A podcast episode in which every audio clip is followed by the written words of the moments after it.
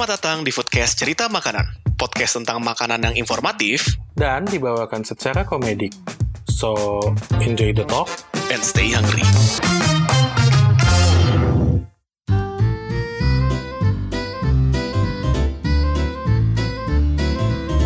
Kembali lagi di podcast Cerita Makanan bersama gue Zaki. Dan Anggara di sini. Bukan dong, Anda kan sudah sehat sekarang. Anggara sudah tidak mengkudeta lagi. Oh iya, bibir gua akhirnya setelah beres dioles-oles, Mm-mm. Eh lu sakit apa Bram minggu lalu Bram? jatuh gua. Oh jatuh. Mm-mm. Kok kejadiannya mirip ya sama temen gue yang goblok banget minggu lalu tuh. Ada dia bibirnya juga luka. Tapi lu jatuh kan bibirnya lukanya kan? Ah, ah. Gua gua dengerin sih, Mm-mm. itu tolol banget. Emang. Kalau gue sih jatuh, mungkin kayaknya kebetulan aja kali ya. Heeh. Di episode kemarin juga kan gue bilang bukan Brahma, sumpah bukan Brahma. Brahma sakitnya yang lain. Cuman kebetulan sakitnya di bibir juga. Tapi kalau Brahma sih katanya Brahma jatuh. Gua jatuh, ah, ah. Mm-mm. Tapi sekarang udah sehat ya Bram, udah bisa ngomong berarti ya. Udah, udah bisa bacot lagi, udah udah bisa macam-macam lah, salto udah bisa, terus eh pilates, oh lancar deh. Hebat ya semua. Tapi lo kemarin sakit gimana Bram? Makan segala macam kan makan hidup kita ya, hidup kita banget nih masalah dunia makan. Lo keganggu nggak masalah makan tuh gara-gara bibir lo luka? Oh, kan gue punya moto hidup yang lain. Apa tuh? Moto hidup gue tuh gini, Zak. Sakit tidak sakit, makan nomor satu. Mantap, berarti sekarang ada quotes baru ya untuk Anggara tulis lagi nanti ke depannya. Am- PR yang kemarin aja mah Anggara nggak ditulis-tulis, gak dibikin konten IG keteteran nih. Anggara sibuk bikin banner website judi kayak sekarang. Oh, udah bukan lagi website judi kayaknya. website Pekop kayaknya kemarin dia. ini ini dia bikin thumbnail-thumbnail buat di website Pekop. Oh, website Pekop ya. Heeh. 40 kliennya. Mampus tuh anak lagian. Berarti video-video yang bocor ada 40 orang kasihan. Mm. eh, tapi lo kan bibir kemarin luka, luka kan. Tapi lo bilang makan tetap yang nomor satu kan, utama tuh makan tuh. Oh iya dong. Lo makan apa aja, Bram? Justru kalau gua nggak stres makan banyak, stres makan makin banyak. Oh gitu ya. Jadi sama gitu, sehat makan makan banyak. Hmm. Kalau lagi sakit justru nafsu makan tuh nggak ada. Tapi gua tuh kan nggak suka ya. Apaan sih orang nafsu nggak punya nafsu makan nggak makan kayak bullshit banget buat gua. Kalau gua sih tetap hajar makan ya. Walaupun memang luar biasa loh waktu gua makan tuh gua inget banget waktu bibir gua lagi sakit.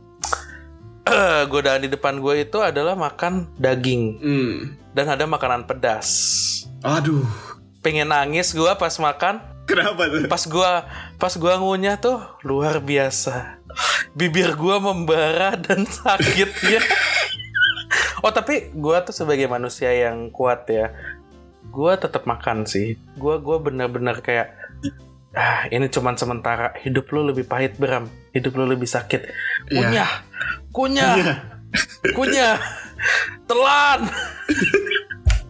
Sampai akhirnya bibir gue gua beder abis makan itu ya Hah? bibir gue mati rasa Zak nggak pakai painkiller mati rasa Waduh, itu efek. Jadi ternyata makanan pedas, makanan panas tuh ada efek painkiller ya. Eh, sebenarnya bukan kayaknya ya karena udah saking kesakitannya sampai akhirnya tuh besoknya gue eh, agak-agak susah mengunyah jadi akhirnya gue ada makanan dorong pakai air dorong dorong. Lu ngomong dorong tuh gue jadi inget. Lo tau gak sih di SpongeBob itu pernah ada yang episode di mana yang ada cacing yang raksasanya itu. Ah, ah. Terus solus eh, pas udah mau datang ke Bikini Bottom yang Patricknya bilang "Gi- bagaimana ini un- Bikini Bottom makan ini solusi apa? Dorong sekota di dorong. anjing. jadi akhirnya tapi udah sembuh sih bener dong estimasi dokter gue seminggu tuh udah pulih lah Oke. Alhamdulillah ada pulih sekarang ya. Udah bisa makan udah lebih tenang berarti sekarang ya. Oh iya dong kan gue pulihnya juga makanannya sebagai orang yang bukan pencinta makanan manis ya. Aha. Gue kepaksa harus makan manis. Jadi akhirnya gue beli dua pint es krim yang Mm-mm. akhirnya gue makan selama seminggu. Hmm. Which is itu Haagen-Dazs yang rasa vanilla Iya. sama macadamia nut. Aduh. Biar nggak memar Zak, biar biar Iya, iya, iya. dikompres. Iya, iya, iya. Tapi gue juga seminggu terakhir gue makan lagi nggak enak, gak lagi gak bisa menikmati makan seperti biasa. Gara-gara kemarin GERD, jadinya dihindarin makan pedas, makan santan, susu, tepung-tepungan. Jadinya seminggu ini makan hampir nasi tim, bubur, nasi tim, bubur. Ya, itulah. Berapa porsi Zak nasi tim buburnya? porsi ini kan. Lambung gue juga harus dikasih istirahat Bram memang nggak sempurna. Akhirnya makan gue juga ada gak nikmat juga karena seporsi doang gitu. Tapi ya lambungnya kayak lagi perlu istirahat dulu. Nih baru nih ini baru sarapan pertama gue kayak yang makannya udah mulai agak melenceng mesen Jartos lagi akhirnya gue sekarang. Udah mulai berani makan roti. Kemarin-kemarin nggak berani. Oh, tetep ya emang udah fans nomor satu JR Tos nih. Oh iya dong, apalagi eh, ini kan eh, sarapan favorit gua yang kayak gini tuh. Jadinya baru ibu udah ah kayak udah aman nih, udah aman. Meskipun masih minum ini ya, eh gua lupa eh, namanya apa ya? Obat obat gue apa sih namanya? Eh, omeprazole baru Ih, Gert nggak ada obatnya Zaki. nggak ada ya biasanya kan gua udah minum obatnya dulu buat ngurangin apa sih buat ngobatin lambung gua Oh. Oh, harusnya tuh lu tuh nanya gue tahu sebagai penyintas GERD. Hmm. Jadi gue sama pacar gue kan emang GERD udah dari lama ya. Hmm. Mungkin karena gaya hidup yang sehat ini Iya. baik untuk tubuh gue yang tidak sehat. Oh iya kemarin juga itu kan eh, apa sih baru ulang tahun lu ngasih makanan sehat kan ke dia? Sehat, Oh sehat sekali, sushi sehat. mentai, sushi, mentai kan sehat. Mm-mm. Sushi loh tuh. Iya. Sehat. Ya sebenarnya ada sih di belakangnya makanan penutup yang nggak diliatin ya. Ah, bentar. Kok? Kok apa Zak? Oh enggak enggak. enggak. Enggak barusan gue lihat jartosnya kok ada to eh, kelihatan gue pikir timun, nggak tahu tomatnya tomat hijau. Kaget gue. Itu itu JR Tos ini ya yang ada asam-asamnya gitu ya. Iya. Kenapa sih lu nggak beli Mams Bakery? Kenapa? Mouse Bakery? Karena harganya lebih murah. Simpel itu. Karena gue Jawabannya cepet banget ya. Karena harganya lebih murah. Iya, gua mesen 30 ribu tuh udah dapat healthy juice sama toast. Gua di sana 30 ribu dapat mas keluar aja mas sandwichnya nggak ada harga 30 ribu. Ada Zak. Apa? Ma ma- Ada. Mams tuh di atas 30 Ada lu kan? nggak tahu. Lu kalau ke Mams bilang saya pengen dapat sandwich 30 ribu yang nyampe telur rebus. Ini ya, Oh. tapi rotinya nggak dapet mas, cuma telurnya aja. Udah cukup nggak mas? Eh, ngomong-ngomong tadi Gert tuh, Heeh. gue pengen ngingetin sih, lu sebagai penyintas, eh, lu beneran kena GERD kan Iya. kemarin? Heeh. Lu minum jamu. Ka- karena gue cara merawatnya adalah minum jamu. Heeh. Jamunya udah sama ke jamunya tuh udah umum banget. Hmm. Jamunya tuh namanya kunyit asam lah ya. Siapa yang nggak tahu sih kunyit asam? Minum kok kemarin gua. Minum. Hmm. Terus habis itu lu minum madu. Hmm. Yang akhirnya banyak menyelamatkan madu sih. Mm-mm. Ada tapinya tapi Apa ada tuh? tapinya. Madunya sih kalau bisa madu sumbawa. Kalau enggak madunya yang ada polen. Lo tau lah ya mereknya Iya, iya. apa itu. Agak pricey sih, cuman kalau lu rutin itu dua minggu gitu tuh membantu banget sih karena gue tahu ya rasanya kalau orang kena GERD tuh nggak enak banget. Ba- eh, apalagi kalau gue ngerasain tuh baru makan dikit langsung mual banget. Mm-mm. Seakan makanan pengen keluar. Aduh. Kasian. Kemarin tuh gua ini Bram kayak termasuk yang gue udah lama banget gak minum jamu. Jadi pas gue minum kunyit asem agak kaget sama rasanya. Dan tiba-tiba dari lidah gue tuh kayak berteriak, berikan aku temulawak, berikan aku temulawak. Kenapa ya? Kan cuman asam doang. Mungkin karena memori gua sama jamu itu zaman kecil kan. Zaman kecil kan dikasih temulawak segala dan rasanya kan temulawak kan sebenarnya enak kan. Nyumun temulawak tuh termasuk yang paling enak loh. Pantas. Pantas empat porsi kurang lima porsi sempurna. makanan makanan dari kecilnya temulawak. Iya makanya mas gue dikasih yang kunyit asam kayak apa ini jamu ini bukan jamu jamu itu temulawak berikan aku temulawak ya tapi balik apa kan jamu-jamuan kan mas minum kan bi- biasanya ada rasa untuk sebagian orang pahit dan kalau biasanya orang tuh kalau habis kena pahit tuh bawaannya pengen yang manis-manis dan gue rasa itu cocok nih sama ini kan episode terakhir untuk season 2 nih finalis season 2 sebagai episode penutup gimana kalau di episode ini kita bahas tentang makanan penutup di Indonesia Lo mau tahu nggak makanan penutup buat gua apa? apa tuh Habis beres makan main course, taruh garpu, ditutup sama pisau. Itu tutup. beres. Enggak, enggak, enggak, enggak, enggak salah, salah Bram. Lu salah barusan. Kenapa? Dessert lu, lu taruh eh, sendok, taruh garpu di atas piring. Dessert lu adalah lu nyebrang ke seberang nasi goreng Madonna, lu masa nasi goreng satu lagi itu dessert buat lu. Oh iya ya. Karena waktu itu pas kita habis makan main course sop kaki kambing, gua ambil dessert ya nasi goreng. Eh, eh, nasi goreng ati ampla atau telur kecap. Eh, enggak ya? Waktu itu nasi goreng ati ampla doang ya? Oh iya benar. Kalau gue saya ngomongnya lebih di efisiensi diefisiensikan. Apa tuh? Mas, nasi goreng dan telur kecap ati ampela. Oh, jadi dua-duanya sekalian ya. Dua-duanya ati ampela. Ah. Kalau orang bilang gini, Mas, nasi goreng sama telur kecapnya paket asam urat ya. Paket asam urat. Astagfirullahalazim, amit-amit ya Allah, jangan sampai kena ya Allah.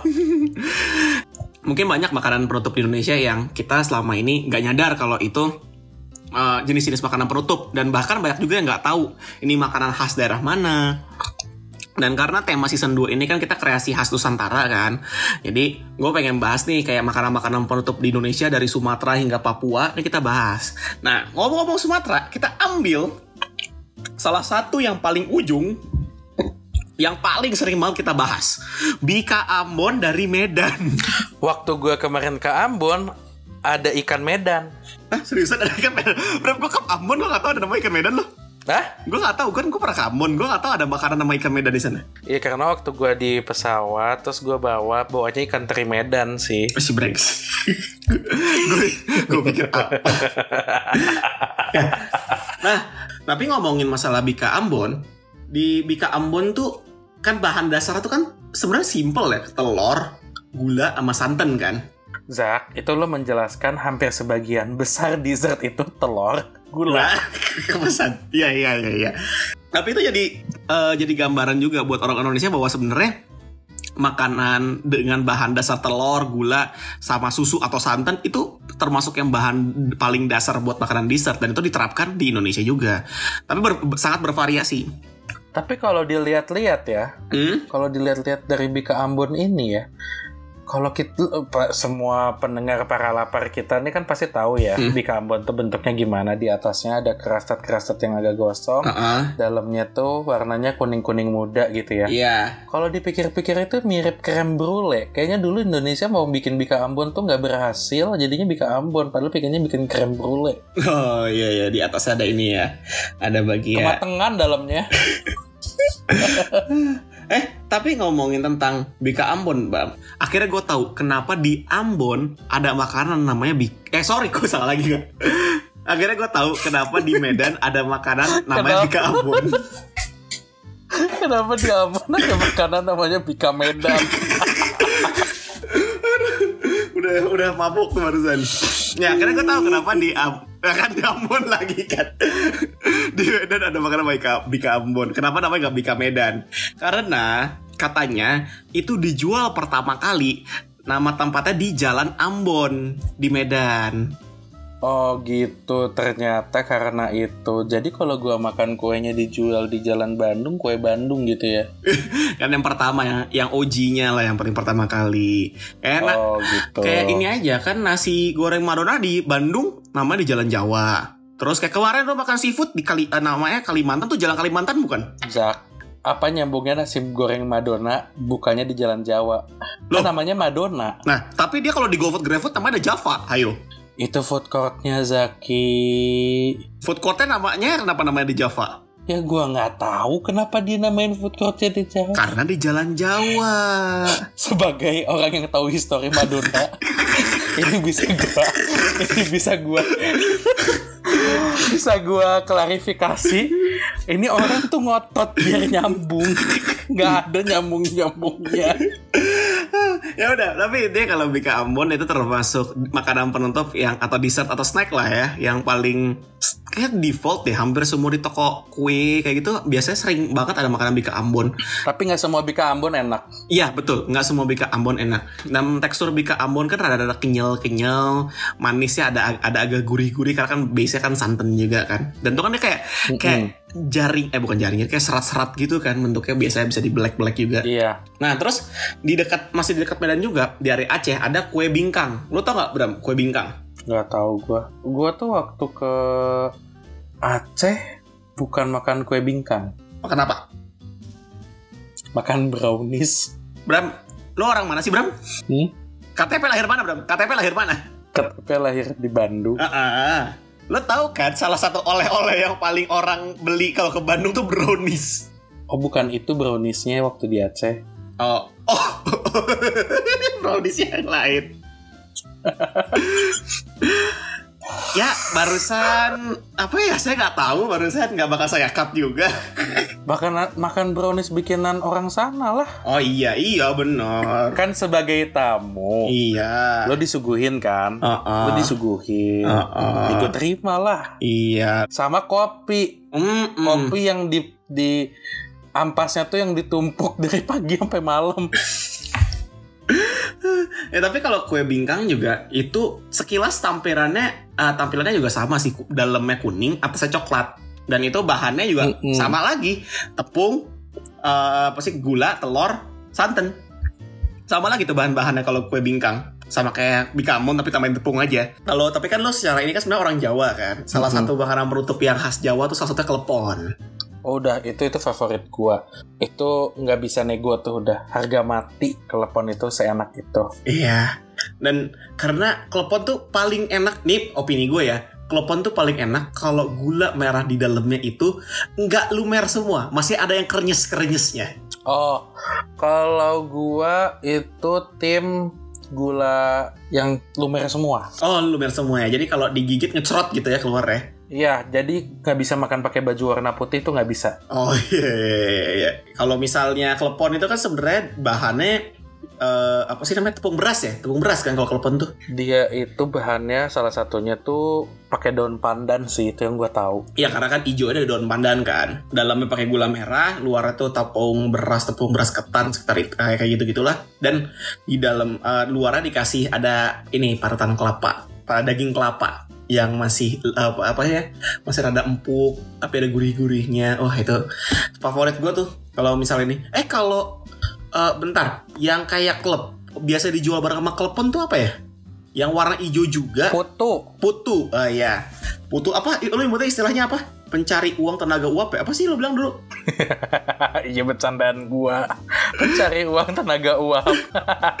iya itu kue putu juga dari khas Jawa juga ya kalau nggak salah ya Kue putu itu ya khas khas Pulau Jawa ya Hmm. secara umumnya karena memang kalau menurut gue tuh sebenarnya di Jawa tuh banyak banget ya selain kelepon, kue putu, ada juga kan kalau dari Sukabumi kesukaan gue tuh mochi. Hmm, hmm. Tapi gue tuh kadang-kadang suka bingung sama makanan-makanan itu. kenapa Dibilangnya makanan penutup tapi kalau kita datang kadang-kadang jadi ini eh, appetizer, oh iya juga ya iya iya kan?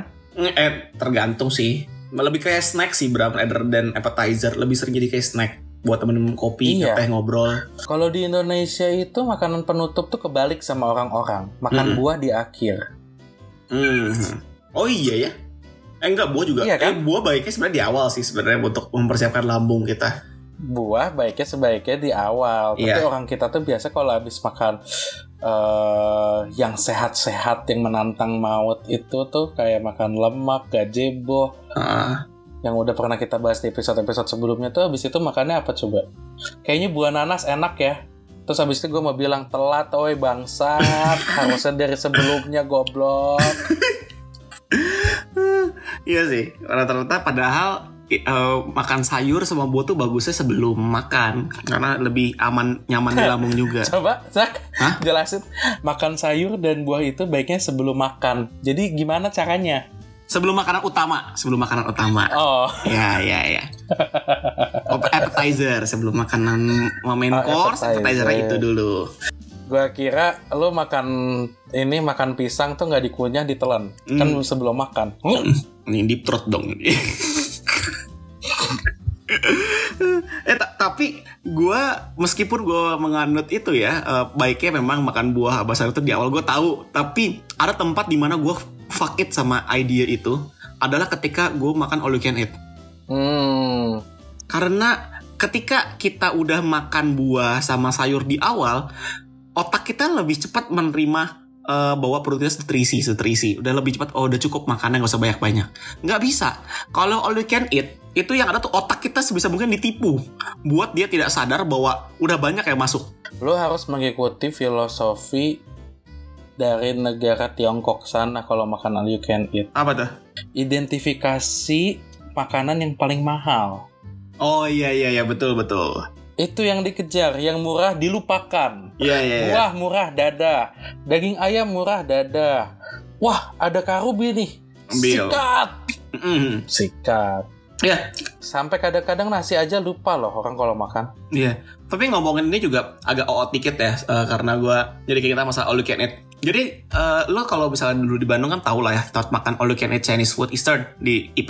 Terus, Di IP dia itu eh, kan dia ah, di Eastern ada menu all you can eat yang dim eh, dimsum aja sama all you can eat yang makanan main course kan. Tapi kan menunya ter, ter eh, gak semua ada kan. Nah di antara semua menu itu yang bisa kita pesan ketika all you can eat yang bisa main course, ada satu menu yang harganya mahal tapi secara porsi eh, tidak terlalu banyak. apa? Namanya sop burung dara. Oh, ya iyalah itu mah udah sangat favorit, favorit dan favorit. Mm-mm. Nah, sop burung dara tuh kalau pesan gak all you can eat, gue lupa harganya tiga puluhan ribu kalau salah kan, tiga puluh ribu, empat puluh ribuan. Mana ada Zaki harganya segitu? Ah, di Eastern segituan. Waktu waktu dulu ya, waktu gua pas zaman kuliah, saya itu harga segituan kok. 40 ribuan saya gua. Di bawah apa sih kalau sapi lada hitam tuh harganya sekitar 6 70 ribuan waktu itu yang yang smallnya ya. Ketahuan banget ya mahasiswanya, jiwa-jiwa mahasiswa masih ingat harga. Iya, nggak karena lihat lihat lihat menu lihat bagian kanan bukan bagian kiri apa nih yang murah-murah oh ini sepuluh ribu lihat kiri air putih ah kemahalan lihat lagi anjrit 34 ribu pak apa nih? Uh paket nasi. Oh iya ini aja mas. Saya ikut paket nasi. Nggak tahu pakai apa ya ini dagingnya. Ya, tapi waktu itu karena all you can eat malah mindsetnya balik. Cari yang paling mahal. Nah, salah satu yang paling mahal itu untuk secara porsinya adalah sup burung dara dan rasanya juga termasuk yang enak sup burung dara di sana. sepakat. Ada ada teman gua yang kalau ke sana dia hanya bener-bener makan sop burung darahnya aja. Tapi makan 20 porsi kalau nggak salah kasiannya sama Easter. Iya. Emang gue juga mikir gue kalau ke dia bilang kan gue kalau ke Eastern all you can eat gue cuma makan sop burung dara doang. Gue mikir anjing ngapain lo sop burung dara doang iya tapi gue sop burung darahnya 20 porsi oke bagus tapi dia smart Iya. Nah, tapi kan kalau misalnya ngomongin tadi uh, Easter ya kan sebenarnya kan Easter kan makanan Chinese food. Nah, salah satu uh, dessert-dessert khas yang uh, budaya Tionghoa itu ada juga cai kue dari Banjarmasin. hmm. Itu tuh mirip-mirip kayak coy uh, kayak kayak coipan Mm-mm. tapi isiannya tuh lobak sama ebi. hmm. Nah, itu gue juga kaget karena menurut gue secara spektrum rasa sebenarnya kategorinya kan dia makanan asin kan sebenarnya lobak ebi terus pakai sambal juga kalau mau dimakan. Tapi buat mereka buat orang Kalimantan itu juga di Banjarmasin ya kalau berdasarkan yang gue cari-cari itu termasuk makanan penutup juga untuk mereka. hmm gitu Mm-mm. Kalau kalau cai kue pernah nyoba nggak Bram? kenapa lo nanya kayak gitu Zak Nggak apa-apa nanya aja kan lo lebih kalau masalah ekspor makanan tuh lo lebih banyak daripada gua. Tapi kalau gue tuh nggak terlalu banyak makan manis ya. Tapi kalau masalah makanan manis itu udah pasti nggak pernah nyoba sih gue kalau cai kue. Mm-mm. Tapi kalau ciu udah nyoba.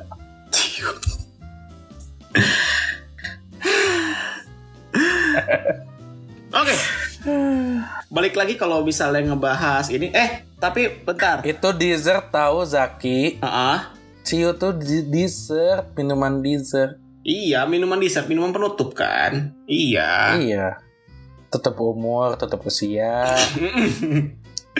ya itu baru ini aja baru uh, tadi kan di Pulau Kalimantan tadi Jawa udah Sumatera udah ya kita ambil beberapa representatif aja lah ya.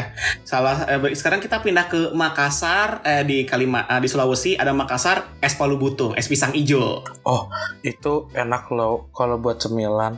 Tapi nggak semuanya enak karena kadang-kadang si sum sum bubur sum sumnya ya uh -huh. yang putih itu tuh nggak semuanya enak, terlalu bikin enak. Padahal kan harusnya kalau kita makan es palu butung itu seger ya. Mm-hmm. Apalagi kadang-kadang mereka tuh carinya uh, pisangnya itu tuh menurut gua nggak tahu ya ini gue pernah dikasih tahu sama teman gue kalau lo mau cari es palu butung itu cari pisangnya tuh yang sebenarnya yang lebih benyek mm-hmm. nggak nggak kayak apa namanya nggak kayak biasanya kadang-kadang tuh pisangnya kan yang masih keras banget ya jadi uh-huh. menurut gue tuh kayak aduh kurang deh ini nih Nah tapi kalau es lu butuh kan lo bilang nyari pisangnya rada benyek. Nah ini menurut gua jadi ada uh, motif penipuan Bram. Apa? Yaitu es pisang hijau. Kenapa? Karena kita nggak bisa tahu pisangnya benyek atau nggak kan dibungkus. Ya justru itu kan pas makan kita tuh kayak mak makan Rusian roulette. Ini bener nggak ya? Bener nggak? Ya anjing nggak benyek dong. Iya iya iya. Tapi kalau gua sejujurnya kalau suruh milih es pisang hijau sama es palu butung, gua lebih suka es palu butung. Karena gua nggak suka sama adonan yang pisang hijaunya. Kayak terlalu ini lagi loh. Kan gua biasanya kalau makan es pisang hijau itu uh, mostly di tempat makanan khas Makassar kayak uh, apa? Konro yang di Jalan Riau. Konro Maranu ya? Konro Maranu. Oh, tar dulu Zak. Kan kalau ngomong-ngomong tadi kita ngambil perwakilan nih ya, kayaknya dari Sumatera Selatan tuh kayaknya belum kita kasih perwakilan deh. Gue nggak tahu benar atau enggak ya. Sebagai penggemar makanan Palembang, dan lu udah pernah ke Palembang, ada nggak sih dessert dari Palembang, Zak? Es kacang merah. Agak-agak mirip loh kalau menurut gue sama es palu butung tuh. Dari segi warna. Iya warna-warna. Nah so soalnya kalau secara warna, iya sih warnanya kan rada-rada ada putih, ada merahnya ya. Cuman gue termasuk yang nggak nggak suka es kacang merah, tuh bianas. Karena kacang tuh buat gue spektrum mungkin karena gue dari kecil juga udah nyari-nyari tahu tentang makanan luar ya. Beans itu red beans tuh biasanya identik sama ini, sama makanan apa sih namanya makanan asin kan baked beans kayak di uh, di makanan Inggris kan baked beans kan makan asin di manis Zaki baked beans itu pakai tomat manis. Kategorinya makanan asin karena dimakannya barengan sama uh, apa sih kan English breakfast kan pakai sausage, pakai telur, pakai ham, pakai uh, hash brown, pakai apa sih namanya tuh namanya tuh sampai lupa gue black pudding segala macam. Itu kan semua makanan secara spektrum rasa spektrum rasa asin semua. Jadi makanan baked bean mm. itu bukan hal yang pakai ini. Ya manisnya kayak manis tomat bukan manis gula yang susu kental manis kayak gitu beda. Coba buat kali ya. Apa tuh? Baked beans pakai susu kental manis. Anjing. Nggak nggak nggak gitu juga. Eh tapi uh, barusan nih uh, ternyata habis di, uh, dicek juga kalau uh, di chai kue itu tuh pan panggang.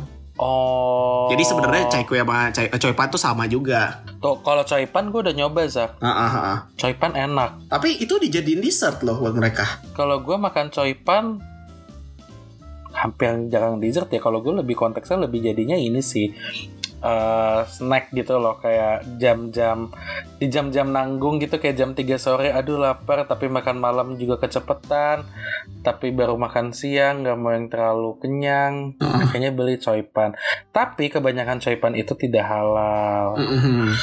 Tolong jangan diikutin kebiasaan Zaki makan coipan tuh di Bandung ada yang jual coipan halal. Justru itu. Itu kalau kenapa saya makan tapi mumpung masih ini ya, tadi kan kita udah ngebahas yang dari Makassar juga es palu butung, terus kayak yang di jauh kan kalau timur gue kurang explore ya. Meskipun kalau gue googling juga ada kayak namanya kue lontar di Papua ada martabak sagu khas fak fak. Tuh kan kasar lo ngomong. Eh ada nama kabupaten fak fak maksud anda apa? Nama kabupatennya fak fak. Kalau anda bilang kasar anda tidak suka sama orang timur.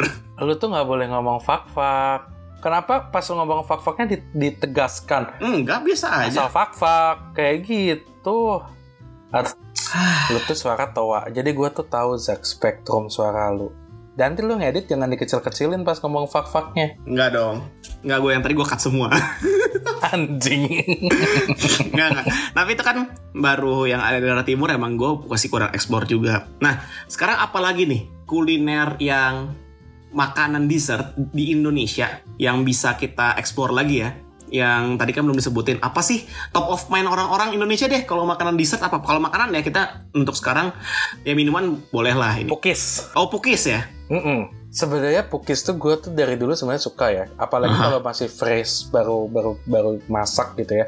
Terutama pukis yang dalamnya ada stick kejunya. Hmm. Jadi udah manis tapi lu menemukan rasa-rasa asin yang akhirnya rasa manisnya tuh lebih kuat ya. Sama lapis legit Malang. Ah, lapis legit ya. Tapi nggak lupa yang paling umum itu cuman satu Zak. Hampir di seluruh wilayah kayaknya ada di Pulau Jawa. Apa? Gorengan. Tapi gorengan Pisang tuh. goreng. Iya iya. Terus singkong, singkong ya, singkong goreng. Mm-mm. Terus ubi, ubi juga ada kan? Tuh, Ah. Tapi banyak loh. buat gue ya mindset gue gorengan tuh bukan makanan dessert Bram bukan makanan penutup makanan pembuka Tapi kalau gue lihat lu makan gorengan, kayaknya sambil makan main course deh Zak. Jadi kayak kerupuknya. Nggak, nggak, nggak. Kadang jadi lauk sih. Nah, kadang karena faktor budget juga, nasi putih lauknya ya beli gorengan aja gitu. Beli tempe, tahu yang gede gorengan. yang kadang-kadang suka kecele. Gue mikir, eh, gue beli gorengan, beli tahu, tempe, itu buat lauk, beli pisang buat dessert. Tapi pas gue ngambil salah. Jadi gue cocok ke sambal. Tapi enak, pisang goreng pakai sambal enak. Memang teman gue tuh kayaknya kayaknya gue kasih label gitu ya batu. Ini kerupuk keras bisa dimakan. Kayaknya udah lu sikat loh. Tapi ke- kenapa gue bilang buat gue ya gorengan itu makanan pembuka? Coba gue tanya, kalau lagi bulan puasa, lagi bulan puasa, mau buka puasa di mag- eh, di masjid di mag- pas maghrib, sediainnya makanannya apa? Gorengan. Kurma. Ada gorengan ya, kan gue bilang di masjid Indonesia. kurma, ada kurma. Nggak mau, nggak mau ada Tapi kurma. ada gorengan. Dan biasanya orang-orang habis Ada teh manis. iya makanannya gorengan. Gorengan termasuk makanan pembuka. Ada kue tete. Ada kue tete nggak? Lu nanya atau memberitahu nih Bram? Gue nanya, Oh, ada kue tete juga nggak sih kalau di Bandung? Ini jualannya atau di atau di masjidnya? Ini ngomongin apa nih? Oh di depan masjidnya. Enggak gue lagi ingat-ingat aja. Gue juga kan kadang-kadang kalau ke masjid Emang isinya ada apa aja ya. Tapi enggak kok Zak. Sekarang kalau buka puasa di masjid-masjid sekarang lebih mewah. Nggak cuman gorengan. Tergantung masjidnya sih ya. Nah, Kalau masjid-masjid yang bagus tuh Biasa udah ada nasi kotak Pas Oh, buka iya. puasa. Iya iya iya. Tapi yang paling standar lah biasanya ya ada gorengan. Nah tapi itu kan lo ngomongin yang paling standar juga ya di Indonesia gitu untuk makanan eh, penutup. Nah satu yang paling sering itu adalah dan eh, termasuk well known bahkan di dunia itu martabak. Oh iya dong Martabak Manis Keju Jagung Pandan jagung keju itu salah satu yang terkenal juga. Pandan jagung keju Habis itu ngomong Eits, tolong barusan saya sensor ya, karena itu kode, eh, kode password yang hanya dimiliki oleh sebagian orang untuk di tempat itu. Jadi jangan- akan saya sensor. Hati-hati loh, dimarahin Kobeni bisa nanti kalau ini kebuka ke publik. Jadi ini eh, kenapa gue ngomongin pandan jagung keju?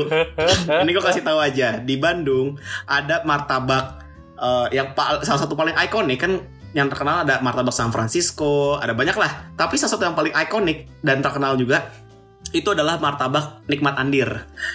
Jadi kalau misalnya di Jalan Sudirman lurus di Pasar Andir ada namanya martabak nikmat Andir dan itu merupakan martabak manis favorit gua.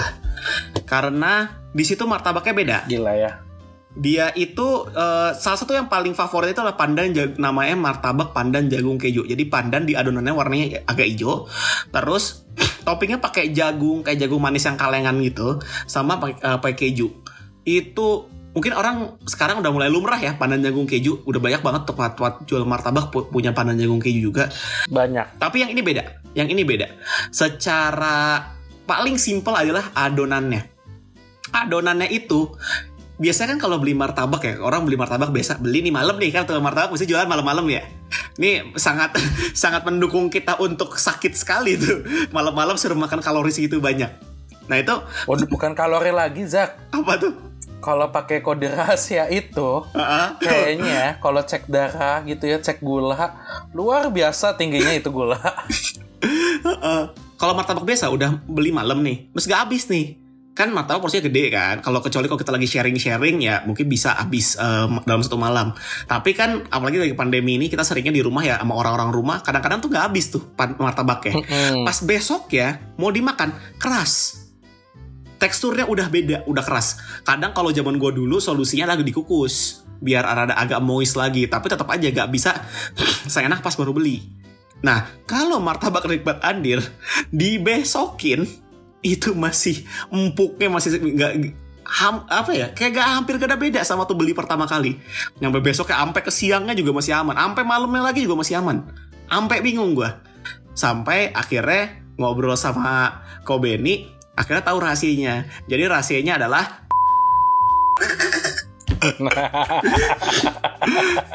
ya jadi karena itu rahasia tidak akan saya buka. Emang laknat banget ya lo ya.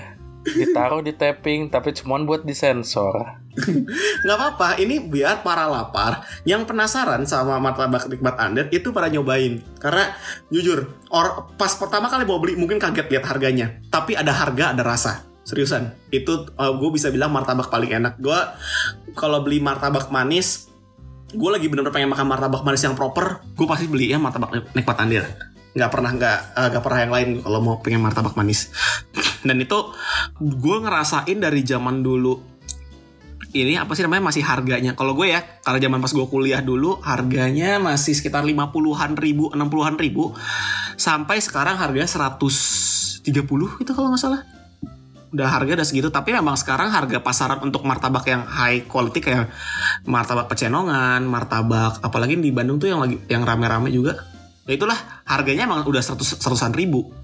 Tapi dari dulu memang kalau lo pengen martabak yang berkualitas itu nggak nggak bisa lah lo beli yang terlalu murah. Tapi cuman ada satu-satunya dulu di Bandung. Ah beneran murah dan gue akuin ini murahnya tuh nge- ngerusak pasar martabak sih menurut gue tempatnya tuh ada di Jalan Gatsu satu Hmm. Pujasera sama Sate Parahmat ah nah waktu itu ada namanya martabak I- Eiffel. in Eiffel Tower Ya, Ya, Tower. Tower itu ya Ah, ah. nah itu Zak lu beli martabak manis keju harganya 50.000 ribu sebesar martabak andir ininya Hah? pan martabaknya. Ah dia jual 50.000 ribu dan lo, lo, lo kebayang ya tebal martabak itu adalah satu dua eh dua inci mah ada ya dua inci. Ah ah itu tebel keju di dalamnya juga sampai 2 inci Zak jadi kayak Anjir. punya tiga lapis martabak dengan harga Hmm. lima puluh ribu, yang sampai sekarang ya, menurut gua kalau ini buat gua pribadi, gua tuh martabak Andir ya gua udah tahu kalau mau beli ke Andir. Yang sampai sekarang ibaratnya buat gua tuh kayak ini sumpah nggak ada gantinya nih martabak. Gua masih belum bisa menemukan martabak ini di mana-mana. I- karena waktu itu dia sempat tutup, gua nggak tahu ke mana. Katanya sih pindah, tapi sampai sekarang gua nggak ketemu. Sampai akhirnya gue pindah ke Jakarta gue kayak masih wondering kayak ini mana ya? Semoga gue bisa ketemu martabak ini lagi. Karena bukan dari segi harga ya. Iya. Iya dari segi rasanya pun sumpah deh Zak kalau masih ada ya gue pengen lu coba dan lu akan ngerti kenapa itu bisa bersaing banget sama yang namanya martabak nikmat andir tuh apalagi dengan harga yang lebih murah gitu lebih ekonomis Iya iya iya. Oh, eh, tapi lu nggak tahu ya tempatnya sekarang pindah ke mana ya? gue udah nyari tiga tahun Zak Ya tiga tahun tiga tahun loh tiga tahun nggak nemu ya. Sebagai orang yang tinggal di Bandung. Tapi gue sampai nggak pernah capek loh nanyanya kalau ke Pujasera itu. Hah? Kalian beli sate Paramat gitu ya, gue nanya aja iseng. Dulu tuh ada tukang martabak ke mana ya? Terus katanya sempat tuh, katanya dia ada pindah ke daerah Kopo. Gue samperin lo ke Kopo. Ah. Tapi Kopo tetap gak nemu ya? Oh nggak jauh, soalnya kan udah keluar kota ya di Kopo. Enggak lah, masih belum.